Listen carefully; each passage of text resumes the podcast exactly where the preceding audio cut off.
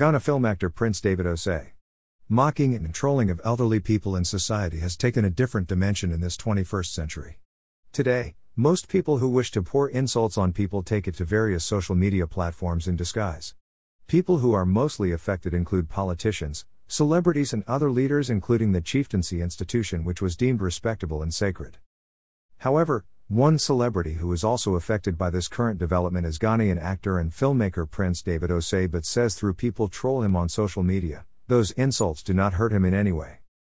According to him, he has developed a thick skin against insults because of the hardship he went through during his youthful days in Accra, the nation's capital. I grew up in a tough way, so I've seen it all. That kind of thing built me up, so when people beat me or bully me on social media, it doesn't get to me because I have it all, Prince David Osei told Citi TV in an interview on the show Upside Down.